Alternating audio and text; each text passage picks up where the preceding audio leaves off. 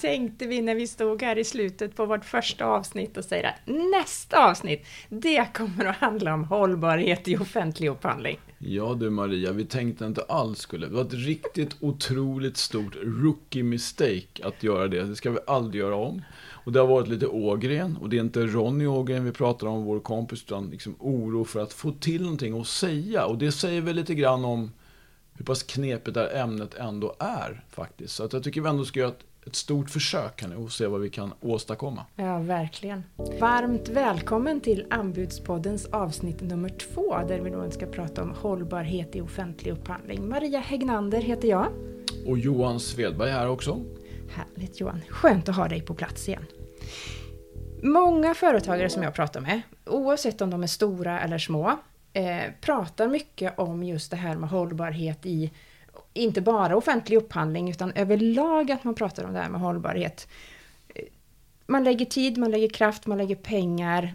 Men man känner att just när det kommer till den här sektorn så får jag inte så mycket ut av det. Ska jag egentligen lägga tid på den här kunden när jag inte får cred för det jag gör? Jag tycker faktiskt, jag tycker nog ärligt att nej. Alltså det är bättre att välja bort den kunden i så fall, fast det är dumt. Eller om man tycker att det ändå är relativt stor chans att jag kan vinna upphandlingen kan jag väl försöka. Men om man ska vara riktigt ärlig så det tar ju rätt mycket tid att skriva ett anbud. Och om jag ändå inte har en chans att vinna, varför ska jag göra det? Nej, ganska krasst, det är ganska hårt. Ja, men alltså det är ju bättre att välja då kanske privata kunder som har, är mer måna om att följa upp och se att det verkligen blir hållbart då. Då har jag ju större chans att få cred för det jag gör så att säga. Johan, om vi kopplar tillbaka till det här, just den offentliga upphandlingen. Vad, vad, vad säger lagstiftningen om hållbarhet? Är det ett hinder? Nej, det är det inte, skulle jag säga. Utan i direktiven, de senaste kom 2014. Och de ändringarna hade egentligen tre mål kan man säga. Det första var att man skulle förenkla regelverket mer flexibelt. Det andra var att man skulle underlätta för små och medelstora företag att vara med. Till exempel att man inte fick ha för höga omsättningskrav, man är skyldig att dela upp en upphandling i mindre delar och så vidare. Och det tredje skulle jag säga, men det kanske största målet, det var just hållbarhet då med stora bokstäver. Man ska helt enkelt göra affärer med hållbara leverantörer som säljer hållbara produkter och tjänster. Så det finns stora möjligheter att ställa miljökrav och sociala krav och så vidare enligt regelverket. Ja. Men då när vi pratar om det här med hållbarhet, hållbarhet är ju väldigt, väldigt stort. Ja. Och då har vi ju de här tre områdena, skulle, skulle jag säga i alla fall. Den ena den handlar ju om miljön. Och det kan ju vara allt från den yttre miljön till arbetsmiljö till ja, vilken miljö vi nu än, än sitter i den situationen. Eh, andra saker handlar ju om ekonomi. Att mitt bolag är ekonomiskt hållbart, såklart. Eh, sen pratar vi också om det här med sociala villkor. Vad vill du koppla in i de delarna? Alltså... Ja, sociala villkor kan vara så antidiskrimineringsklausuler. Det kan vara sådana krav hur man liksom ser på löner och så vidare. Att man har schyssta delar, schyssta villkor för arbetstagarna. Sådana, det är ju inga liksom, hemligheter. Det är ju väldigt grundläggande och basala saker. Och många gånger är det ju egentligen, kan man säga, så finns det ju lagkrav i botten som man ändå måste följa. Utan det jag, när jag kommenterar här, det vi kanske pratar om här, det är väl när man ställer lite mer kanske långtgående krav eller kriterier än vad lagen kanske säger att man behöver. Då blir det kanske lite mer intressant. Och där kan det ju vara företag som ligger medvetet försöker ligga i framkant för att driva utvecklingen liksom snabbare framåt. Som kanske då inte tycker att de riktigt får betalt för det i vissa affärer. Då. Nej, men, men så är det ju absolut, absolut. Om jag nu ändå står här då, nu sa ju du här alldeles förut att eh, ja, men om, om vi håller på med det här och vi tycker att vi har för mycket och inte får cred för det, ja då, då ska vi låta bli att svara. Men, men om jag ändå vill svara och känner liksom att jag får inte betalt för de här, vad, vad blir egentligen den största utmaningen som jag behöver ta tag i? Eh, ja, det blir lite grann det som vi alltid brukar prata om. Då får man tänka sig i sin leverans som man har då. Vad för krav, alltså vilka hållbarhetskrav är det som är kritiska för min leverans? För att det ska bli bra hållbarhet, vad är det? Och det kan man kanske tycka är självklart att om man köper ett fordon, det är klart att drivmedelskostnader, hur mycket drar det? kan ju vara en väldigt viktig fråga. Men om jag till exempel, ja om jag är med i en färd, alltså skolskjutsupphandling för att ta ett exempel. Då är det klart att drivmedel är viktigt, men ett av de största hållbarhets kraven där kan mycket väl vara att man försöker låta barnen samåka för att få mindre transporter så att säga. Så det behöver ju inte alltid vara så som man tror riktigt. Det kan också vara ett hållbarhetskrav. Och sen skulle jag säga att om, om man då är ett sånt företag som ligger lite i framkant, det vill säga jag gissar då att man har produkter som kanske, eller känns som är lite dyrare för att personalen har det kanske, ja de har rätt till tjänstepension, de har jobbat länge, de har lite högre löner, det ska vara schysst med semesterveckor och allt sånt där, lite extra. Då har man säkert andra utmaningar förutom de här hållbarhetskriterierna som man också upplever att man inte riktigt får betalt för. Och då kan det vara första steget om det är väldigt stort prisfokus i en upphandling. Att ja, om pris väger mer än 50% då kanske jag ska välja bort den affären för där kommer jag inte kunna vinna i alla fall. Nej, nej, de hänger ihop alla de här delarna. Det, det kanske blir för stort fokus just på det här bara att vi pratar hållbarhet utan att man faktiskt också behöver bredda och titta på hela upphandlingen många gånger. Ja, att, jag att, tror att, det, är, det, är, samma typ av problematik. Och då gäller ju det här, hur ska, om jag då Ja, låt säga att jag har ett antal drömkunder jag skulle vilja ha i alla fall. Och då kan jag känna att den här kunden, då tittar man ju då som man alltid kan göra i en offentlig upphandling. Då tittar man på senaste upphandling och ser vilka kriterier och krav fanns det där som gällde hållbarhet. Fanns det inga kriterier alls där, alltså inga krav som var särskilt märkvärdiga, ja då kommer jag omöjligen kunna få någon liksom betalt för det. Ja, för då, belöna, ja, då, kom, då, vill de, då vet jag det från början. Men det kan också vara så här, och det är inte ovanligt, att det fanns ganska avancerade krav för tre, fyra år sedan redan då. Och då om man är duktig, då får man ju, det här är ett ganska gediget arbete, men ni kanske väljer ut ett antal kunder. Då får jag ju titta på det underlaget. Vad var det för krav de ställde? Vad hade då den här myndigheten för förväntningar på hållbarhet när de gjorde upphandlingen? Och sen får jag lite detektivarbete titta, hur blev det då? Har det blivit ett hållbart utförande? Har de åkt med de här mm. transporterna? Svårt att följa upp än det igår. Ja, och sen får man titta på vad är det för skillnad mot, mot målen man hade och vad blev det? Så kan man intervjua upphandlaren, ta ett möte då. Eller den som är beställare, kan vara någon annan naturligtvis som gör det här. Och sen får man liksom göra lista de här punkterna. Och sen får man komma med förslag. Om ni nu ska ställa de här kraven och det ska liksom ge resultat. Då kanske ni måste lägga mer fokus på uppföljning så att det finns en risk för den som säger sig klara kraven men sen låter bli eftersom ingen kontrollerar. Och det här är ju liksom ett rätt stort jobb, Maria. Det är ju ett jättestort jobb och vi kommer ganska mycket tillbaka till det här med avtalsuppföljningen, att det är den som, som någonstans blir kritisk i det här också. Ja, absolut. Och då gäller det att se, man kanske har berett sig på någonting och så blir det ingenting. För att inte, och problemet här är att det behöver ju inte rimligen vara upphandlarens fel. De sitter med sin idag, du vet det är tight budget. Och så har man samtidigt kanske en miljöpolicy, miljöriktlinje på då en kommuns eller en myndighets hemsida. Ja, då kan man ju titta i regleringsbrevet för myndigheten, titta på kommunens miljöpolicy och säga att ni säger att det här med hållbarhet är viktigt, för det säger ju alla. Det ingår i ja, deras information. Ja, det vore konstigt annars. Och så ändå ställer ni sådana här krav. Mm. Och sen när ni har gjort det då, om ni, inte, om ni har tittat och upphandlaren säger att ja, det är så här det är. Då ska man ju ta kontakt med hållbarhetschefen som förmodligen finns på plats på en myndighet idag. Ja. Ta kontakt med dem och säga varför liksom gör ni, varför ställer ni sådana här krav när ni har det här mål? Det rimmar inte. Eller ni ställer ju de här kraven, eftersom ni inte följer upp så blir det ju bara ett pappersslott så att säga. Det är ett jättestort jobb det här.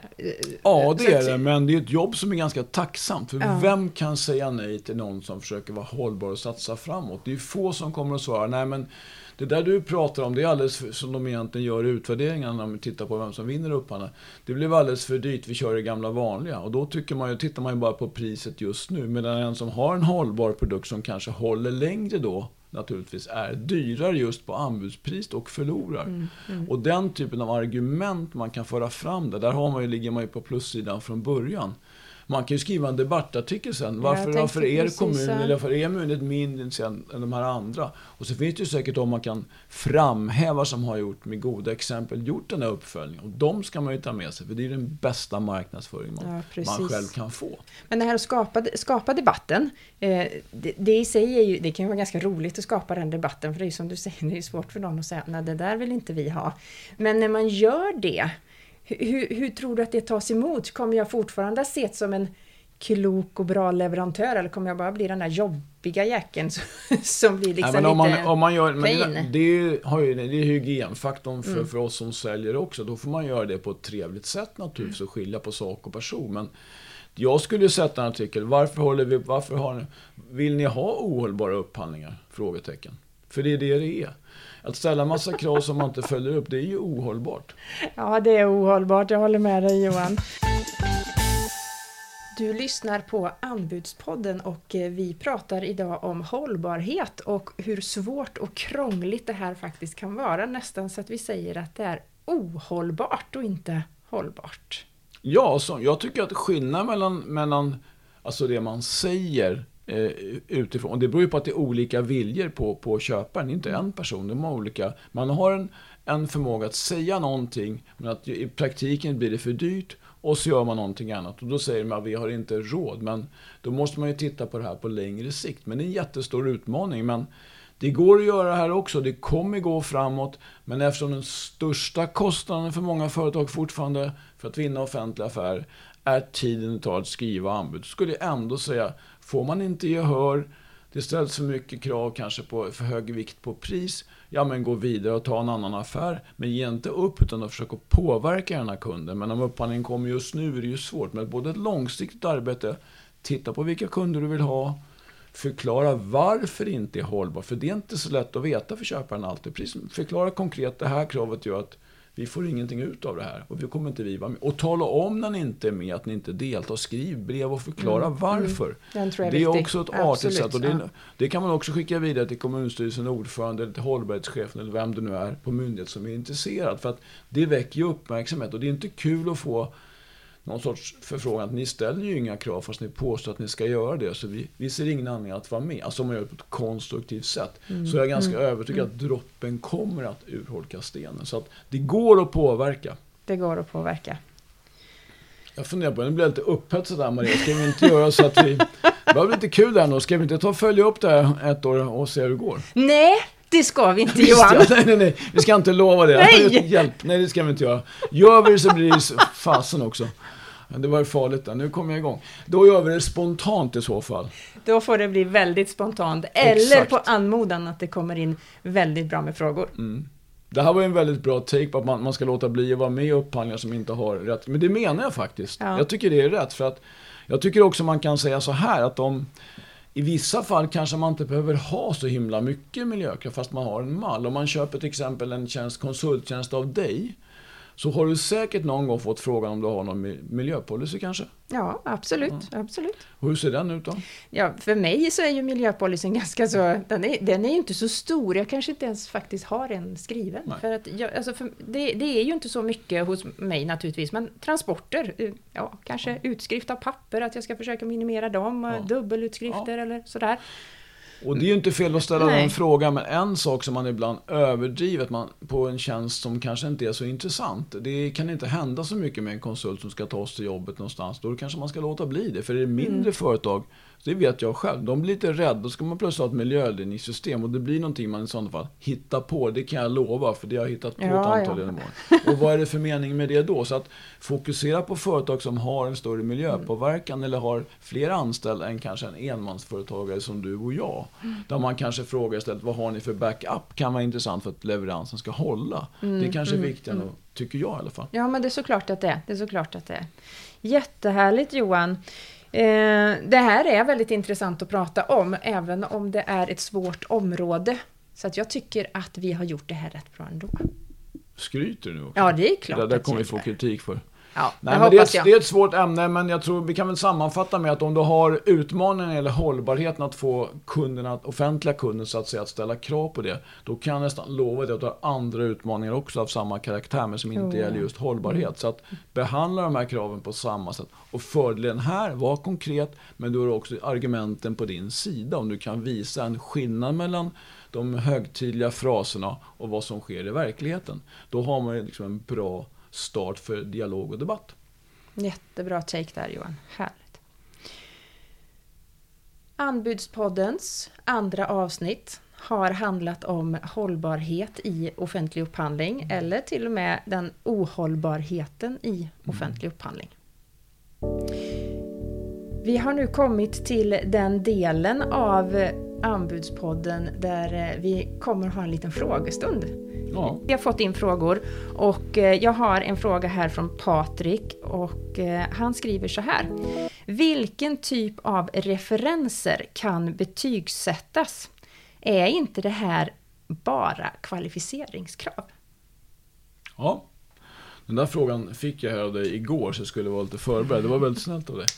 Nej, men det är ju det är logiskt att man har ju kvalifikationskrav då på företaget som kan vara både då på, på företaget att man ska utfört vissa uppdrag, referensuppdrag. Det kan också vara att en viss person, konsult, platschef, ledare på något sätt ska ha gjort vissa motsvarande uppdrag i tjänsten då. Mm, mm. Och de, det som ligger i kvalificeringsfasen det är att man har liksom rätt kapacitet, man kanske har I-certifierat sig, man har en fabrik om man säljer produkter man har betalt skatt. Det är ju kvalifikationsgrad. Det finns liksom inget ganska, utan det är ja eller nej. Antingen mm. har man fem års eller har man inte det. Antingen är du utbildad ingenjör eller inte, om det är det som krävs. Och i den, den fasen så kan referenserna bara vara i princip att jag ut, referens då utfördes den här tiden det var fullt enligt avtal godkänt så att säga. Då är det klart. Ingen poäng i den delen. Framförallt inte över tröskelvärdena särskilt skulle jag säga. Om man däremot ska betygsätta referenser, och det är väl rimligt att det görs, och jag tycker referenser är bra, men ska man betygsätta referenser som upphandlar då, som ni säkert ofta får svara på. Ni kanske ska ange, vet, ni ska ange två referenser och ska de bli kontaktade, då kan du säga så att vi kommer ringa dem två gånger vecka 52. Det är inte bra med vecka 6 då.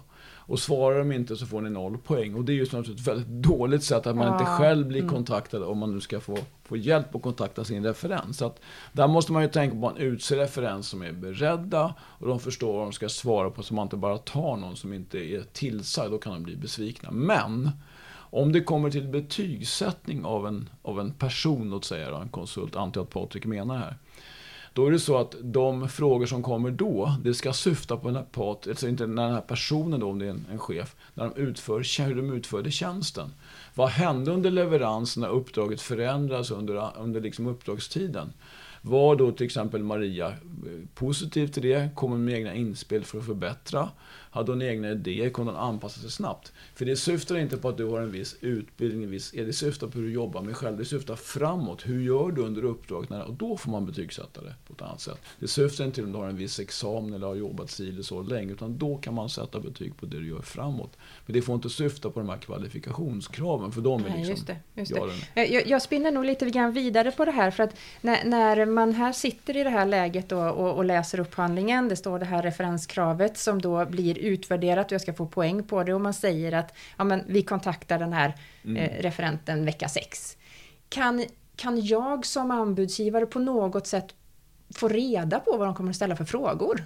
För, för ibland så, så, tycker jag att det är ganska vagt. Ja, det tycker jag. Det, det, är väldigt intressant för man, ofta ska man ju välja någon referens som liknar den kund man har. Så att säga. det är väl smart ja, emot ja. som har samma erfarenhet, kanske av samma typ av mm, uppdrag och mm, sådär. Mm, Eh, och då är det väldigt svårt, men lite grann vilka typer, det måste ju vara vilka egenskaper som man ska ta. Det kan vara just det här, hur, hur, vad hände vid oväntade händelser? Var det en proaktiv konsult? Var de mm, anpassningsbara och så vidare. Och sen ska man få någon sorts skala då som förhoppningsvis är ganska grov så att det händer mm. lite om det inte blir topp. Ja men precis, och om det inte finns några frågor ska jag, ska jag be om att få dem i förväg det, så att jag kan ja, lämna dem till min referens. Och det kan också vara viktigt vara Alltså det kan ju vara referens på en person och det kan vara referens på flera olika personer. Mm. Någon kanske är tekniker, någon kanske är en helt annan, någon som ska göra en annan roll. Mm. Då vill man ju veta vem som ska utfrågas och så, för vem ska referensen gälla så att ja, säga. Precis. Ja. Det kan också vara skillnad, alltså, det, vad, vem, alltså precis, vad ska det vara för erfarenhet som krävs? För att då gäller det att hitta rätt referens. Det kan vara ganska mm svårt. På större företag är det mm. många personer. Då vill man ha in de som får bäst. Så att säga. Mm. Mm. Ja, vad bra. Jag hoppas att eh, Patrik känner att han har fått svar på sin fråga. Om inget annat får han höra av sig igen, tänker jag. Exakt. Ställa följd. Precis. Okej Maria, nu har jag varit väldigt hjälpsam här och svarat på svåra frågor. Ja, det frågor. tycker jag verkligen att du har mm. varit Johan. Så nu är det din tur, oh. min vän. Det här är en fråga som jag får ganska ofta. Mm. Du får den säkert mer än jag, men den är riktiga till dig. För du jobbar med mindre företag än vad jag gör normalt sett i alla mm, fall. Och då är ju frågan så här. När man är småföretagare och tycker man lätt att det kan vara lite svårt det här med upphandling, det, om man inte är jättevan kanske vid administration. Hur ska man då göra när man hittar en upphandling, eller får talas om en upphandling, där man verkligen bedömer att man kan leverera, men man blir lite osäker på hur man ska göra för att vinna? Alltså vad är ditt tips vad kan man göra då? Ja, men sitter jag i den situationen där jag nu har fått till mig en upphandling eller hittat en, vad det nu kan vara, eh, och jag känner att här vill jag verkligen vara med, jag kan vara med och jag har aldrig gjort det förut. Ta hjälp. Jaha, nu blev det reklamradio plötsligt. Då ska ni fråga Johan. Nej, det ska ni inte. Nej, men det är väl ett bra svar, ja, talat. Ja, men det, det, jag, det, jag är ju ärlig i det. Jag menar, många gånger när jag jobbar med, med mindre företagare som, som kommer här första gången, de är ju oerhört tacksamma för just den här hjälpen. Man, man, lite grann, du vet, hålla i handen, hjälp mig att läsa, hjälp mig att tolka. Vi, vi säger ju det jätteofta, det är inte svårt att lämna anbud och det är inte det som är grejen. Men när jag inte är van vid att läsa den här dokumentationen, när jag inte är van vid att sitta framför för ett IT-system, nej men då kan ju det i sig vara ett hinder. Och sitter man då med, så som jag gör många gånger, att jag gör den delen och du puttar in information, då blir det ju så mycket enklare. Och man, man känner att de, man, man, själv som, som litet företag, jag kan fokusera på mitt jobb och sen så har jag någon som, som faktiskt hjälper mig med den här delen. Det, ja, det, det är väl det, klart att det är smart. Och ja. det, sen kan man ju säga att om man inte gör det så ofta så är det ändå värt det. Man hoppas att man tar affären, det kan man ju inte veta. Men Nej, det kan man inte veta. Om man gör det igen så har man lärt sig lite grann. Så kan man lära sig på vägen och så kan du bara göra lite mindre nästa gång och ja. kolla upp. Så att, Ja, men det låter smart, jag håller med. Jag ja. förstår det. Men många är ju rädda i onödan. Men där kan man också säga att vårt tips är att man ska våga vara med. Ja, absolut. Man ska absolut våga vara med. För det, det är många småföretagare som tar sina anbud. Inte alla naturligtvis varje gång. Men absolut våga vara med. För det, det finns ju inget annat mer än stora möjligheter mm. i det här. Och då kan det ju faktiskt vara så här för att knyta an säcken här, räkna ihop säcken. Det kan ju vara så att de här hållbarhetskraven, det kanske inte var så avancerat så jag kan ta min första affär för jag har inte gjort de här stora investeringarna. Det kan ju faktiskt Precis. vara en möjlighet åt andra hållet. Ja, då, om man säger verkligen. Anbudspoddens andra avsnitt har handlat om hållbarhet, eller kanske till och med ohållbarhet. Precis. Så det återstår bara för oss att säga tack och hej. Hej då!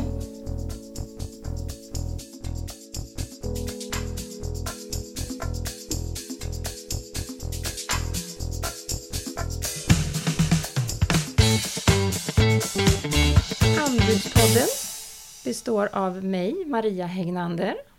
Och Johan Svedberg. Vi har musik som är komponerad av Maria Grönlund.